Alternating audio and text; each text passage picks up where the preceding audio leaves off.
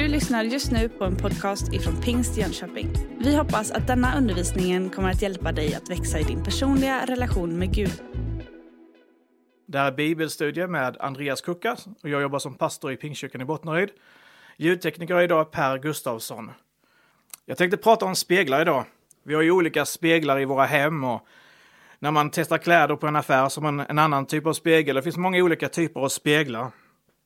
Jag tänker på de som man ser när man är i på Liseberg eller Gröna Lund, Lustiga huset. Eh, vissa speglar gör en lång och vissa speglar gör en kort och andra speglar gör att hela ansiktet ser förvridet ut. Eh, och jag tänkte vi skulle prata om lite olika speglar som jag tycker man kan se i Bibeln.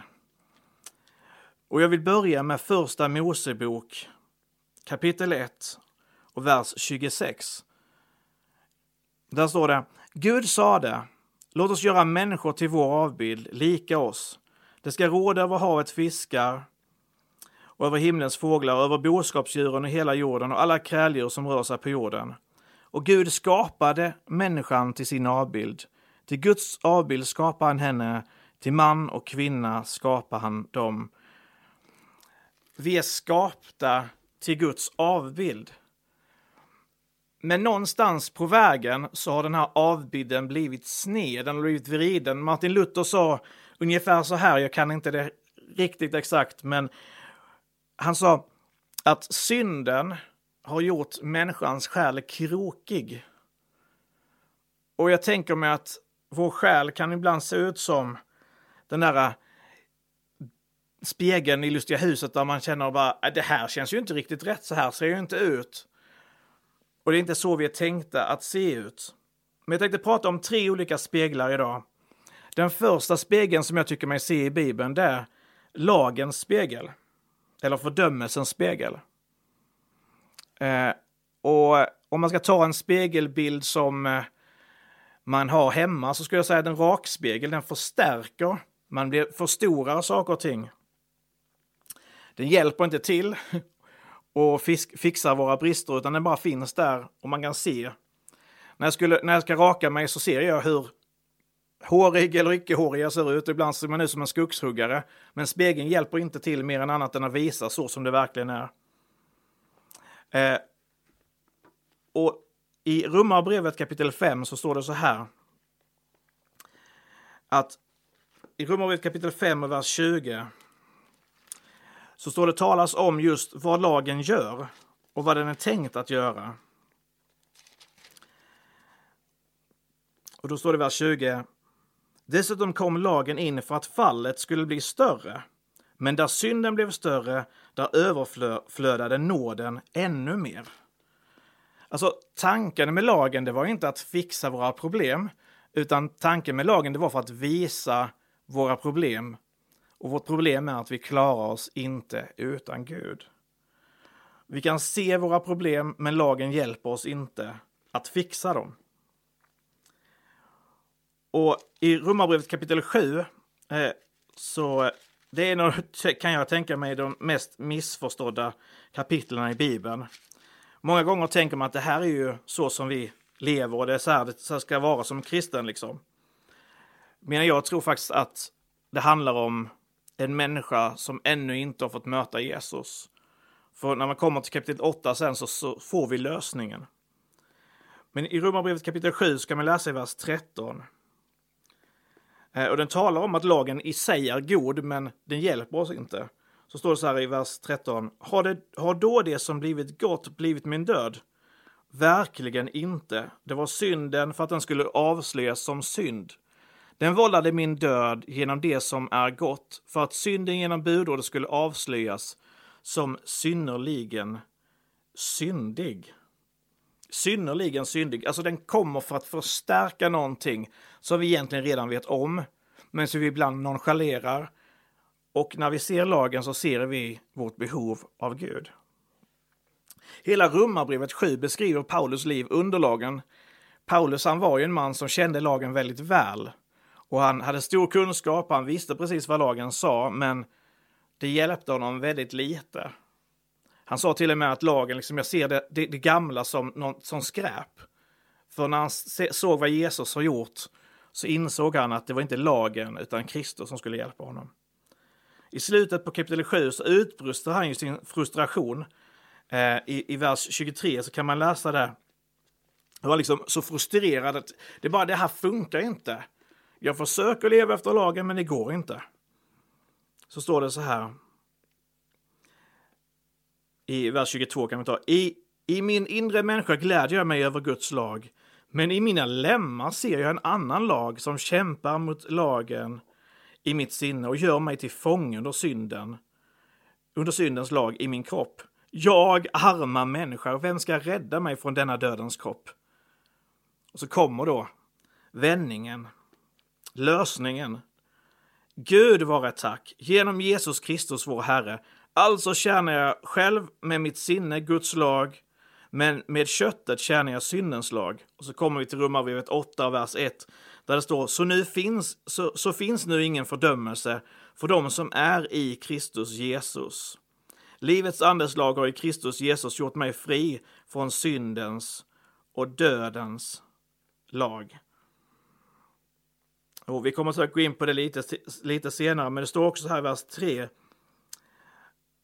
Eh, om lagen att det som var omöjligt för lagen, svag som den var genom den kötsliga naturen, det gjorde Gud genom att sända sin egen son som syndoffer.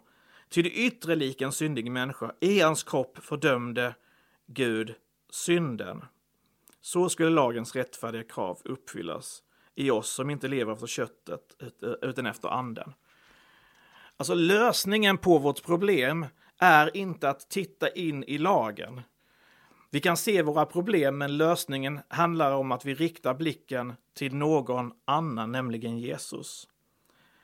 I vissa sammanhang så, så vet jag att man, man gärna har fokus på just det. Man, till och med lä, man kan läsa syndabekännelsen att jag, arma syndare, det finns lite olika översättningar, jag har inte älskat dig överallt och så vidare. Så, så bekänner man sina brister och det man gör egentligen är att man tittar in i lagens spegel som inte hjälper oss ett enda dugg.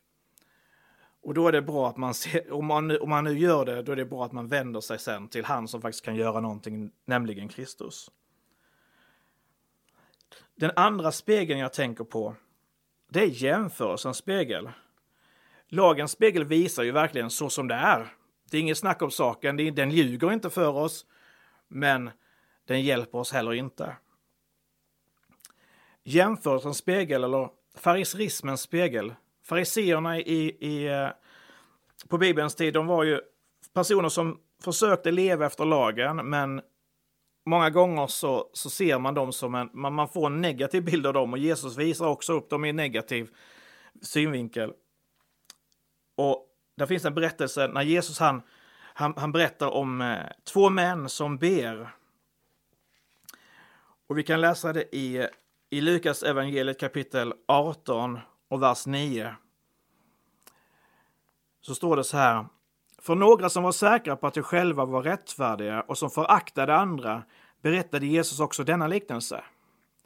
Två personer gick upp till templet för att be. Den ena var farisé, den andra tullindrivare. Farisén stod och bad för sig själv. Gud, jag tackar dig för att jag inte är som andra människor. Roffare, brottslingar, äktenskapsbrytare eller som den där tullindrivaren.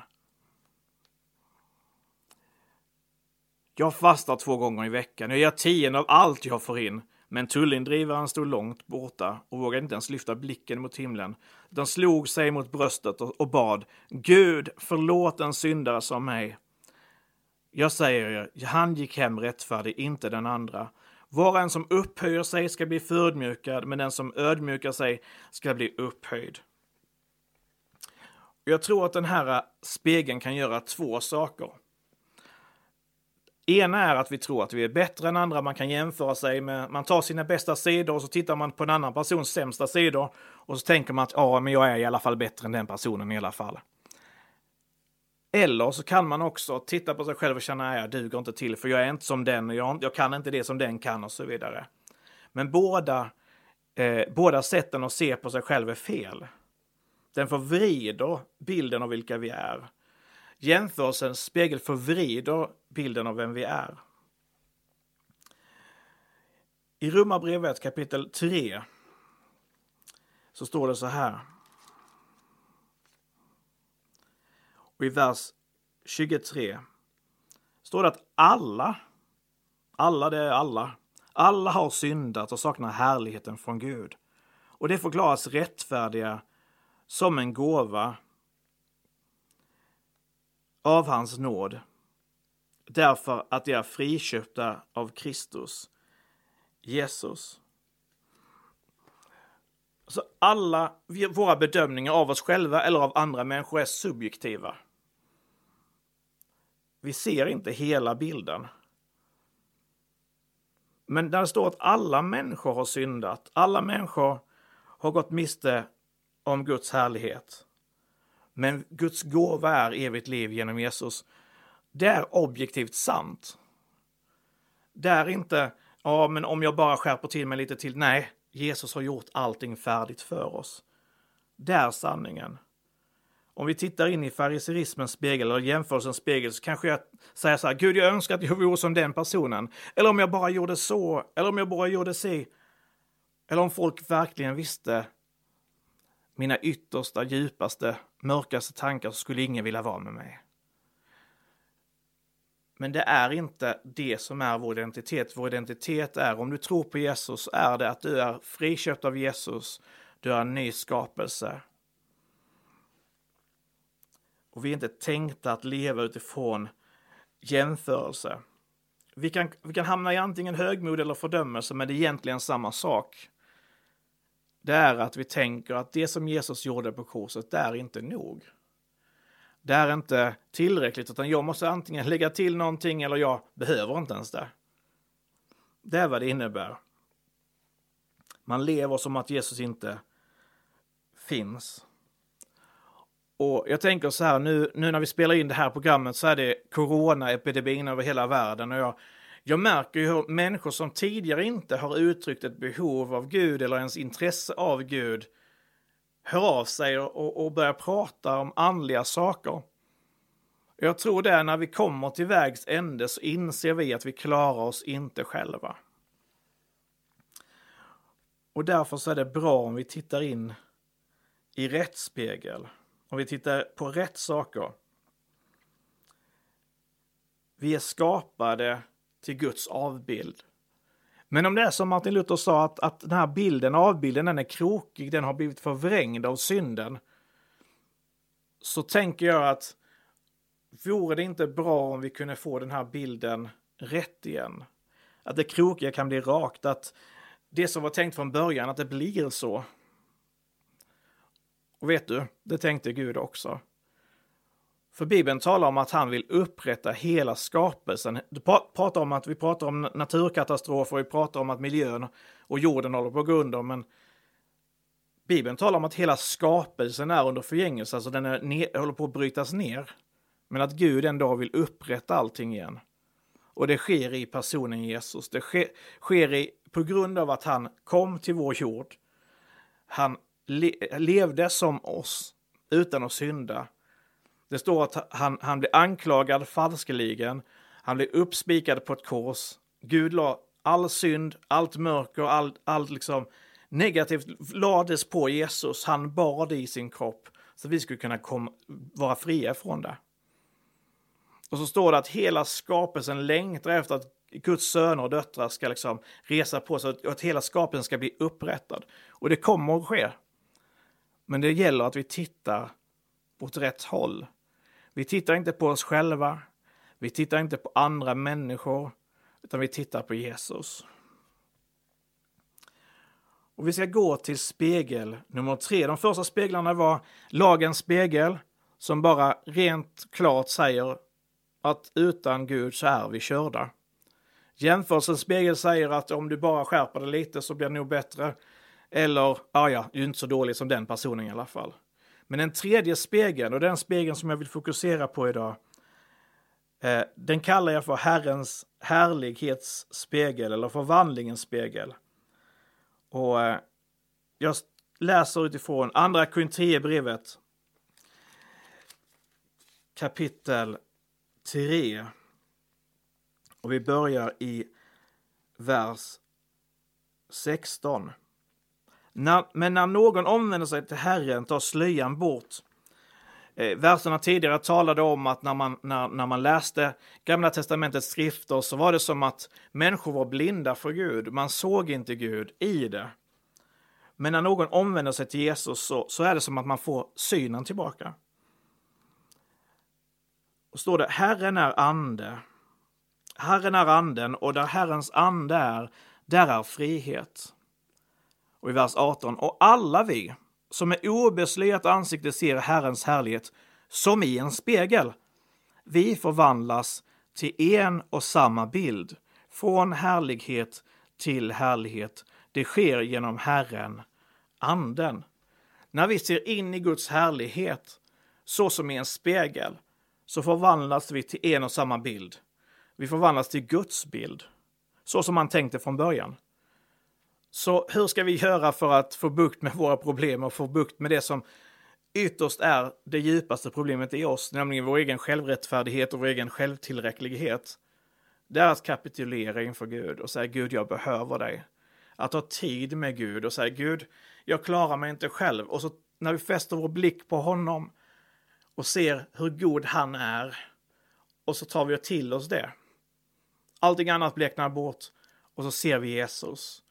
Och när vi ser Jesus så börjar hans förvandling i oss. Vår identitet blir inte oss själva och våra egna gärningar, utan det blir vad Jesus redan har gjort. Bibeln talar om att han som påbörjat ett gott verk, han ska också fullborda det. I Galaterbrevet så, så, så, säger Paulus till, till eh, Galaterna så här. Eh, I Galaterbrevet kapitel 3 så talar han just om det här med att inte leva efter lagen utan faktiskt leva i Jesu rättfärdighet. Eh, så står det så här, dåraktiga galater, vers 1, kapitel 3 i Galaterbrevet. Dåraktiga galater, vem har förhäxat er? Ni fick ju Jesus Kristus målad för era ögon som korsfäst. En enda sak vill jag veta från er. Fick ni anden genom laggärningar eller genom att lyssna i tro? Är ni så dåraktiga? Ni som började i anden, ska ni nu sluta i köttet? I The Message-översättningen av Bibeln så, så, så, står det ungefär så här att är ni så dåraktiga, är ni så knäppa liksom, att ni tror att ni som inte började det här goda verket, ni som inte kunde påbörja det, hur ska ni kunna fullborda det? Det, det Paulus säger där är att det är bara Jesus. Det handlar om Jesus, det har alltid handlat om Jesus och det kommer alltid att handla om Jesus. Och det är när vi kapitulerar inför Gud och säger Gud, jag klarar mig inte själv. Det är då han kan börja göra någonting i våra liv. Eh, vi går tillbaka till Romarbrevet kapitel 8. Vi läste de verserna innan, men vi läser dem igen. I kapitel 2, kapitel, eh, vers 2, vers 3 så står det så här. Livets andes lag har i Kristus Jesus gjort mig fri från syndens och dödens lag. Det som var omöjligt för lagen, svag som den var genom den kötsliga naturen, det gjorde Gud genom att sända sin egen son som syndoffer, till det yttre likt en syndig människa. I hans kropp fördömde Gud synden. I hans kropp fördömde Gud synden. Jesus tog vår synd. När jag som 16-åring tog emot Jesus och jag skulle be en, en bön till Gud på riktigt för allra första gången så ledde pastorn, eh, Pascal som han heter, ledde mig i en bön och då, då bad vi Jesus, jag kommer till dig. Förlåt mig för min synd. Tack för att du tog min synd på dig på korset. Att få tacka Gud och säga tack Gud för att du bar det som jag själv inte orkar bära. Tack Gud för att du tar det här skräpet som jag inte vet vad jag ska göra med.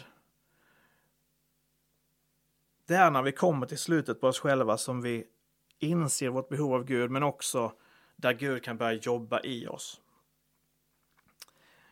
Och, och ibland så pratar man om det att man pratar om frälsning, alltså att man blir räddad, att man blir en kristen, att man är på väg till himlen. Eh, och sen så tar man det och så säger man, och sen så är det ju helgelse också. Och det är ett konstigt ord. För dig som varit kristen länge så kanske du har hört det, men om du aldrig liksom hört de här termerna innan eller liksom väldigt ny i tron så, så handlar det egentligen om att bli mer lik Jesus. Och frågan är, vilken spegel ska vi titta i för att bli mer lika Jesus? ibland så får vi, får vi liksom för oss att det handlar om att ja, men nu när Jesus han har förlåtit mig, nu ska jag skärpa till mig och bli en bra kristen.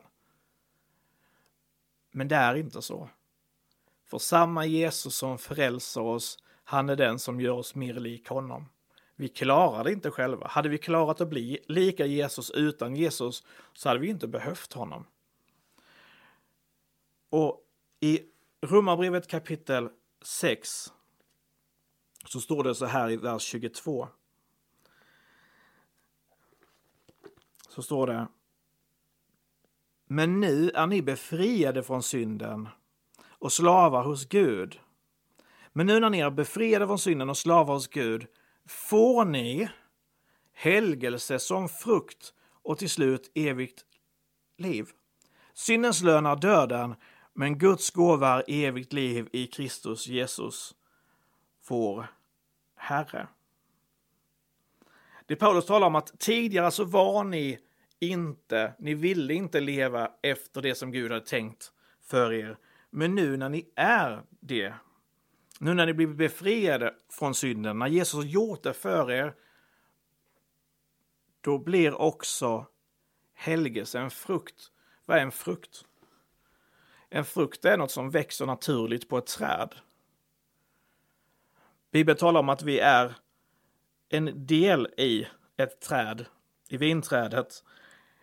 Eh, och att vi har blivit inympade, det vill säga att vi, vi är grenar på ett större träd. Men det är inte grenen som, som är grejen, liksom, utan det är trädet. Och det är Jesus som ger frukten. Vi, så länge vi bara håller oss till Jesus så blir det frukten att vi blir mer lika honom. Men är vi inte i Jesus så, vi inte, så kan vi inte heller bli lika honom. Och när man tittar på, på, eh, på Bibeln så finns det många olika berättelser och tittar man i Gamla Testamentet så finns så många bilder och liknelser på vad som skulle hända när Jesus kom, när Messias kom. Och, och det finns ett spe, specifikt tillfälle som jag tycker är väldigt spännande. Det är eh, när Israels folk är ute i öknen och, och, man klagar på Gud och man gnäller och så sänder Gud in ormar in i lägret. Och, och det står att ormarna de bet människor och människorna blir sjuka. Men så säger Mose, och Mose pratar med Gud och säger han, vad ska vi göra liksom? Jag vill inte att mitt folk ska dö och så vidare. Och Gud säger, ta och gör en, en kopparorm, man gjorde en orm och så sätt upp den på en påle och den som ser på kopparormen, han ska leva. Så det man gjorde, det var liksom att man projicerade någonstans folkets synder på den här kopparormen. Och när man såg på kopparormen och sa okej, okay, när man ser på den, då, då får du leva. Och det hände. De, de som såg på kopprummen, de fick leva. Eh, och på samma sätt är det med Jesus. När vi ser Jesus upphängd på ett kors och vi ser att han tog vårt straff, han tog vår död, han tog vår synd. Då får vi också leva och vi får evigt liv. Korset är den platsen där vi kan se vilka vi verkligen är. Vi är förlorade utan Jesus, men vi är också kallade till Jesus för att bli lika honom. Han ropar ut över oss när vi ser på korset så säger han Det är fullbordat, hej allting är klart, sluta kämpa själv, jag har gjort det färdigt för dig. Allting är färdigt. Han älskar. Bibeln talar om det att vi älskar för att han först har älskat oss. När vi inser det, att han är den som initierade, han är den som fortsätter det är han som fullbordade, då kan vi också slappna av. Och vi lyssnade på den här sången innan. Eh, och just att få söka Guds härlighet, att få umgås med Gud gör att vi blir mer lika honom. När vi umgås med den helige ande så blir vi mer och mer lik honom. Jesus sa det också när han åkte upp till himlen, så han vänt till Jerusalem tills jag sänder den helige ande. Han sa att jag ska sända er en annan hjälpare. Vi är inte ensamma i vår kamp utan han har också sänt den helige ande. I Apostlagärningarna 2 så står det just om det. i, i vers 1 så står det när pingstdagen kom var det alla samlade. Då hördes plötsligt från himlen ett dån som när en våldsam storm drar fram och det fyllde hela huset där det satt. Tungor som av eld eh, fördelade sig och satte sig på var och en av dem och alla uppfylldes av den helige ande och började tala främmande språk. När Gud sänder sin helige ande så säger han också jag vill inte lämna dig ensam. Jag är med dig, jag är för dig. Jesus gav oss ett uppdrag att få berätta för andra människor om att det finns en väg till frihet. Det finns en väg där vi inte behöver försöka själva, där vi inte försöka, behöver jämföra oss med andra människor och sen tänka att ja, ja, men jag klarar mig väl till slut. Vi är alla i behov av Gud. Och ju förr vi inser det, desto bättre. Och även i församlingen så måste vi inse det. Du som kanske varit kristen i alla år. Du kan ha varit kristen i fem år, tio år, kanske vissa som lyssnar kan ha varit kristna i 50 och 70 år. Men vi är alla varje dag i behov av Jesus. Vi är alla i behov av den helige ande. Och när Jesus han, han sänder ut lärjungarna innan han åker upp till himlen säger han liksom gå ut i hela världen, gör människor till lärjungar, döp dem i Faderns, Sonens och den helige Andes namn. Och lär dem att hålla allt vad jag befallt er. Och, och, när man tittar på Bibeln så se, ser man att de faktiskt gjorde det. Men hoppar man bara bak en liten, liten stund i berättelsen så ser man hur lärjungarna, när kvinnorna kom till lärjungarna och sa att Jesus hade uppstått, sa nej, det tror vi inte på. Någonstans hade det hänt någonting med lärjungarna. Jo, nämligen den helige ande. Och det är i hans närvaro, när vi tar emot den helige ande i våra liv, då förändras saker och ting. När vi ser in i Herrens härlighet så som i en spegel förvandlas vi till en och samma bild. För att sammanfatta. Lagens spegel. Den talar om våra brister och den förstärker den. Men den hjälper oss inte, utan den lämnar oss där eländiga och bedrövade. Jämförelsens spegel. Antingen förminskar den egna synden och förstärker den egna präktigheten. Eller så förstärker den synden och för, för liksom, gör, gör andra människor se bättre ut. Den blir liksom lystiga huset. Vi skrattar åt hur andra ser löjliga ut. Men i verkliga livets jämförelsespegel så blir vi lätt förvirrade. För den förvrider bilden av vilka vi är och vilka Gud har sagt att vi är. Den skapar bara förvirring. Det enda spegeln som kan göra någonting för oss, det är Jesus. Det är när vi ser in i hans som vi säger, härlighetens, när vi ser in i Guds härlighet så som i en spegel, då förvandlas vi till en och samma bild. Det är nämligen så att när vi får se Jesus så blir vi lika honom. Och det som händer med människor runt omkring oss, när vi själva blir helade och upprättade, det innebär att andra människor runt omkring oss också kan bli helade och upprättade. Bibeln talar om att Gud, han han kallas också för, för eh, Herren, vår läkare. Och egentligen borde, borde det översättas med Herren som är vår läkedom. Men om vi ser in i honom, han som är Herren, vår läkare, och förvandlas till en och samma bild, då blir vi också läkande att vara ibland. Då blir vi också upprättande att vara när människor kommer till oss så blir människor upprättade, människor blir läkta bara genom att vara med oss för att vi blir lik Jesus. Han är god. Han är generös. Då blir vi också så som honom. Om vi låter Gud hela oss så kommer det vara helande att vara med oss. Om vi tillåter Gud att älska oss så kommer människor känna sig älskade i vår närhet. När vi tittar, vi tar en stund och tittar in i hans härlighet, där finns den sanna identiteten. Där finns läkedom, där finns förlåtelse, där finns upprättelse och där finns fred. Och det är i honom som vi blir den vi är tänkta att vara på riktigt. då är inte vår bild längre krokig. Då kommer den bli mer och mer rak till den dagen när vi står i, i evighet. Och Bibeln talar om att vi ska få en ny kropp. Och vi ska bli fullständiga som människor. Vi, är, vi kommer inte bli fullkomliga här på jorden, men vi kommer bli mer och mer lika Jesus. Det är min övertygelse. Om vi håller oss till honom. Och i avslutningen skulle jag vilja be och sen kommer vi lyssna på en sång. Eh, men jag skulle vilja be för dig, du som kanske kämpar med fördömelse, du kanske kämpar med att du jämför dig med andra människor.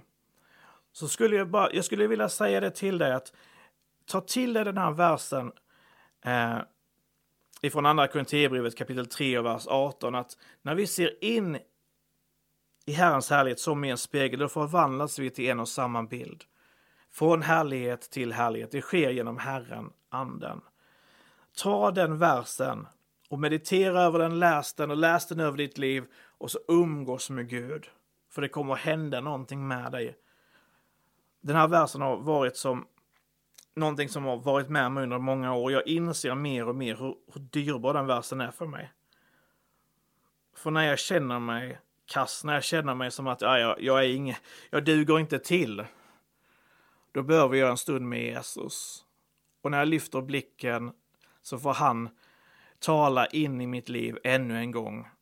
Så att det krokiga blir lite rakare.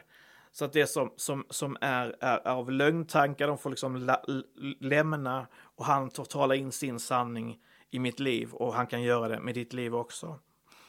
Jag ber för dig. Tack Jesus för var och en som lyssnar på det här programmet. Jag tackar dig för att vi får se in i din härlighet så som i en spegel och vi får förvandlas till en och samma bild. Jag ber för dem som, som känner sig missmodiga, eh, sänkta. Jag tackar dig för att ditt ord säger att du har gjort allting klart. Att, di, att ditt ord säger att, att evigt liv är en gåva från dig. Att helgelse, att vi blir mer lik dig, det är en frukt av att vara i dig Jesus. Tack för att du säger ditt ord att om vi tar emot dig så har vi rätten att bli Guds barn. Tack för att vi blir nya skapelser. Och jag bara ber Herre att all förvirring, lögntankar får försvinna från människors liv i Jesu namn. Bara tala frid och frihet in i människors liv just nu. Jag tackar dig för att du befriar människor från jämförelse och jämförelsens förbannelse. Jag tackar dig för att du tog det på korset, Herre. Och vi är alla lika inför dig, Herre. Vi är älskade av dig och därför kan vi älska andra människor, Herre. Jag tackar dig för det, Herre. Välsigna var en som lyssnar. I Jesu namn. Amen. Du har just lyssnat på en podcast ifrån Pingst Jönköping. För att få reda på mer om vilka vi är och vad som händer i vår kyrka så kan du gå in på pingstjonkoping.se eller följa oss på sociala medier via pingstjkpg.